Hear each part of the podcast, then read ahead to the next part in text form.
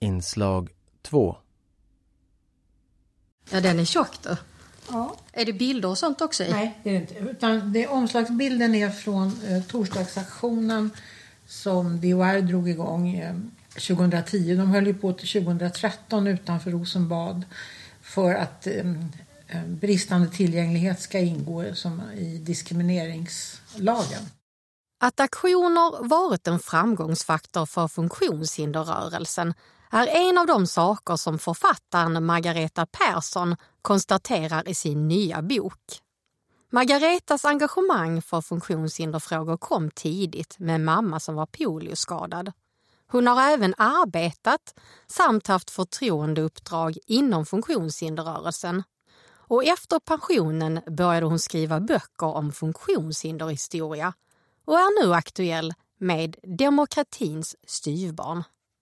Det är en bok om funktionshinderrörelsens historia, organisationernas historia eh, kopplat då till eh, hur samhället såg ut då och hur andra folkrörelser arbetade.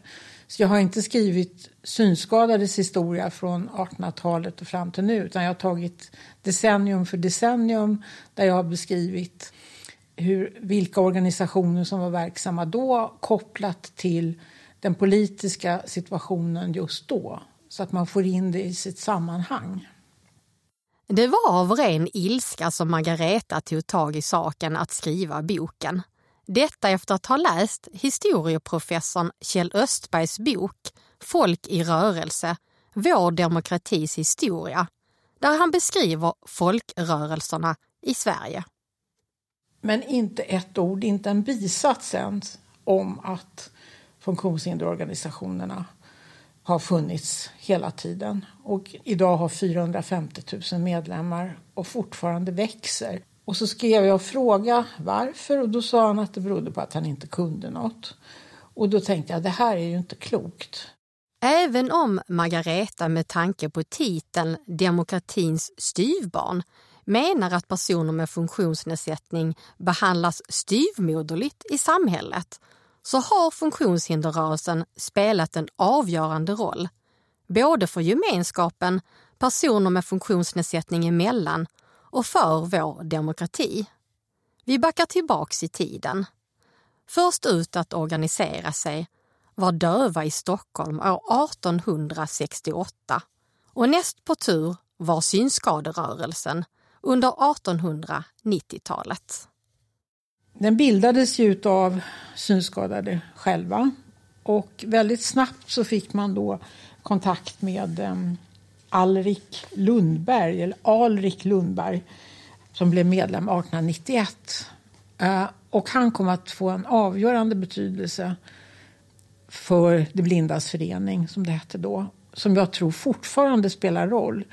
För han var då blind, eh, men han kom ifrån överklassen hade alla kontakter och han var ganska välutbildad. Och genom att han hade de här överklasskontakterna så kunde han få eh, till stånd välgörenhetsinsatser, pengar som Det blindas förening då själva kunde vara med och se till hur de skulle användas. Alltså punktskriftsbibliotek och punktskriftstidning och allt det här.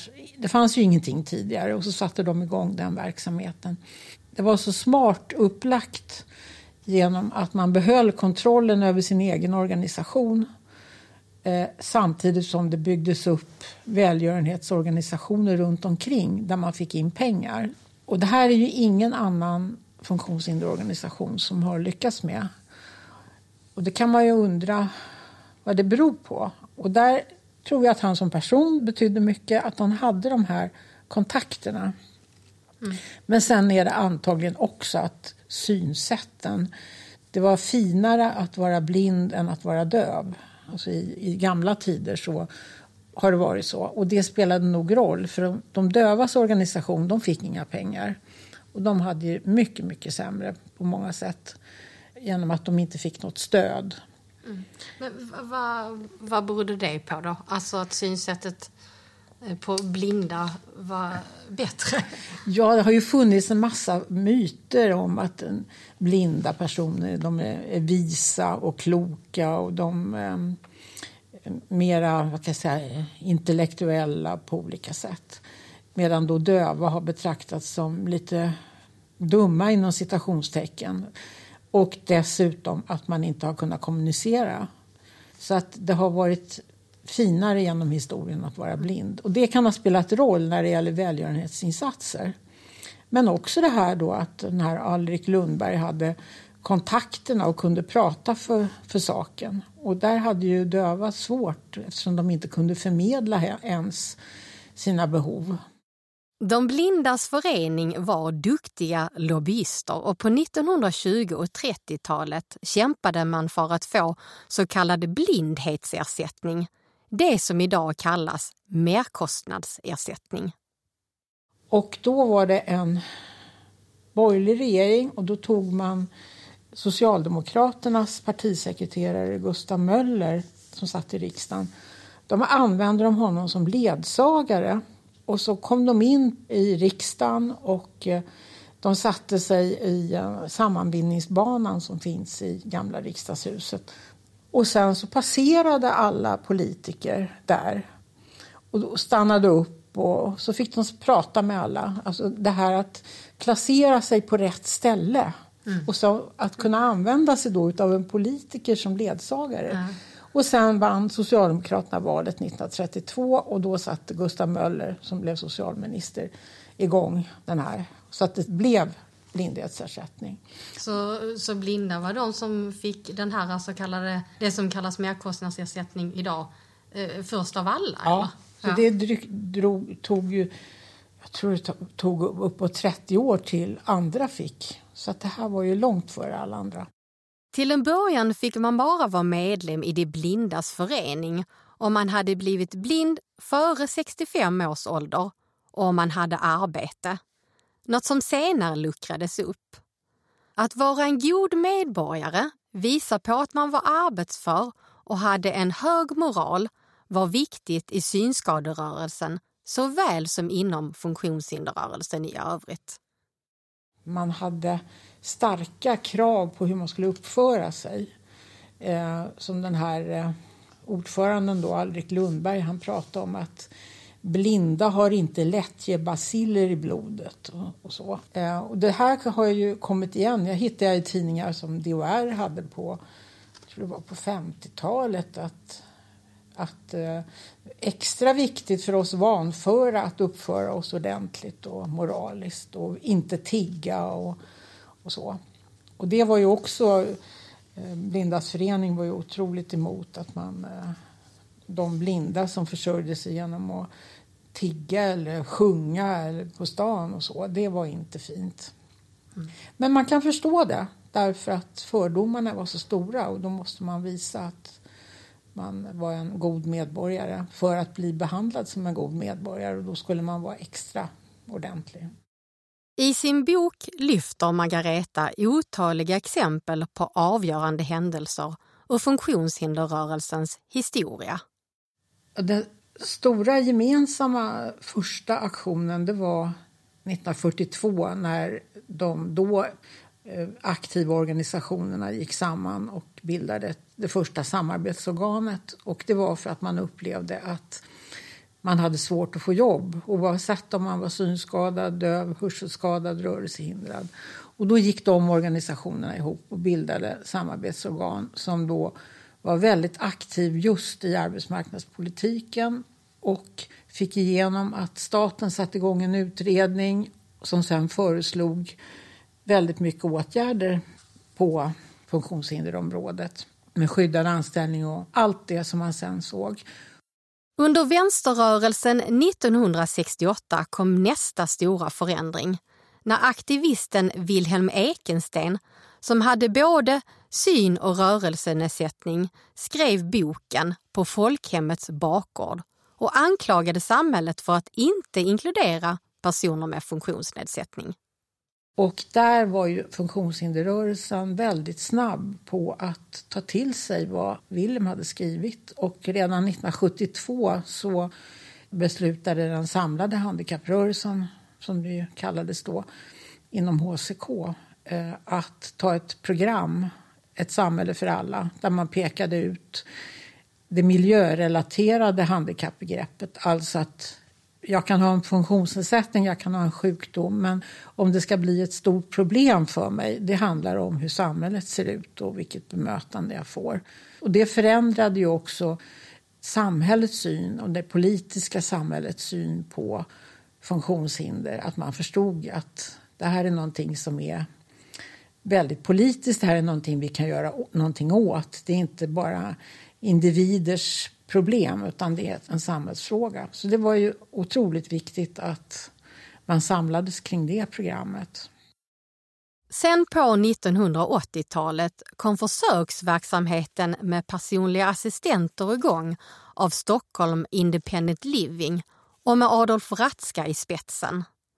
Något som till en början möttes av en del motstånd. Dels var det så att rörelsehinderorganisationerna hade då drivit på väldigt aktivt för att få boendeservice. Alltså från att man hade bott på långvårdssjukhus och haft, eller haft dålig hemhjälp och så, så skulle man kunna flytta in i, i kategorihus där det fanns eh, hjälp att ringa på men man hade sin egen lägenhet. Och det här hade man ju drivit på då. Och då ville man kanske värna det här som man först hade satt igång. Men sen var det också det här att man tänkte att personliga assistenter, det, det kommer bara de som är otroligt, eh, vad ska jag säga, skärpta och kapabla att kunna ha eftersom man skulle sköta mycket själv och ta ansvar för eh, anställning och så det fanns en oro kring det där. Och så fanns det nog någon oro om att det skulle bli privatiserat och man tyckte att det var samhällets ansvar att tillhandahålla hjälp och att man inte själv skulle behöva agera arbetsgivare. Och fackföreningsrörelsen var tveksam för att man tänkte att eh, det skulle bli någon, någon ny sorts hembiträden som skulle fara illa. Eh, men sen så insåg man ju att det här var en väldigt bra idé.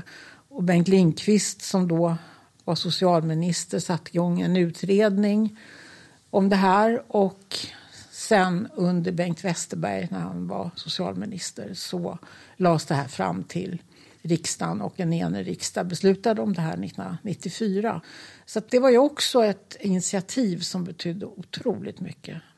Det är ju organisationerna som har startat i princip all verksamhet som idag finns. Alltså från punktskriftsbibliotek till eh, eh, ledsagare till eh, fritidshem för utvecklingsstörda. Allt, allt har startats en gång av föreningarna själva med hjälp av välgörenhetspengar då. Men man har faktiskt satt igång allting själva. Och det var jag nog inte riktigt medveten om. Att funktionshinderrörelsen lyckats med en hel del råder det ingen tvekan om. Men finns det något de lyckats mindre med?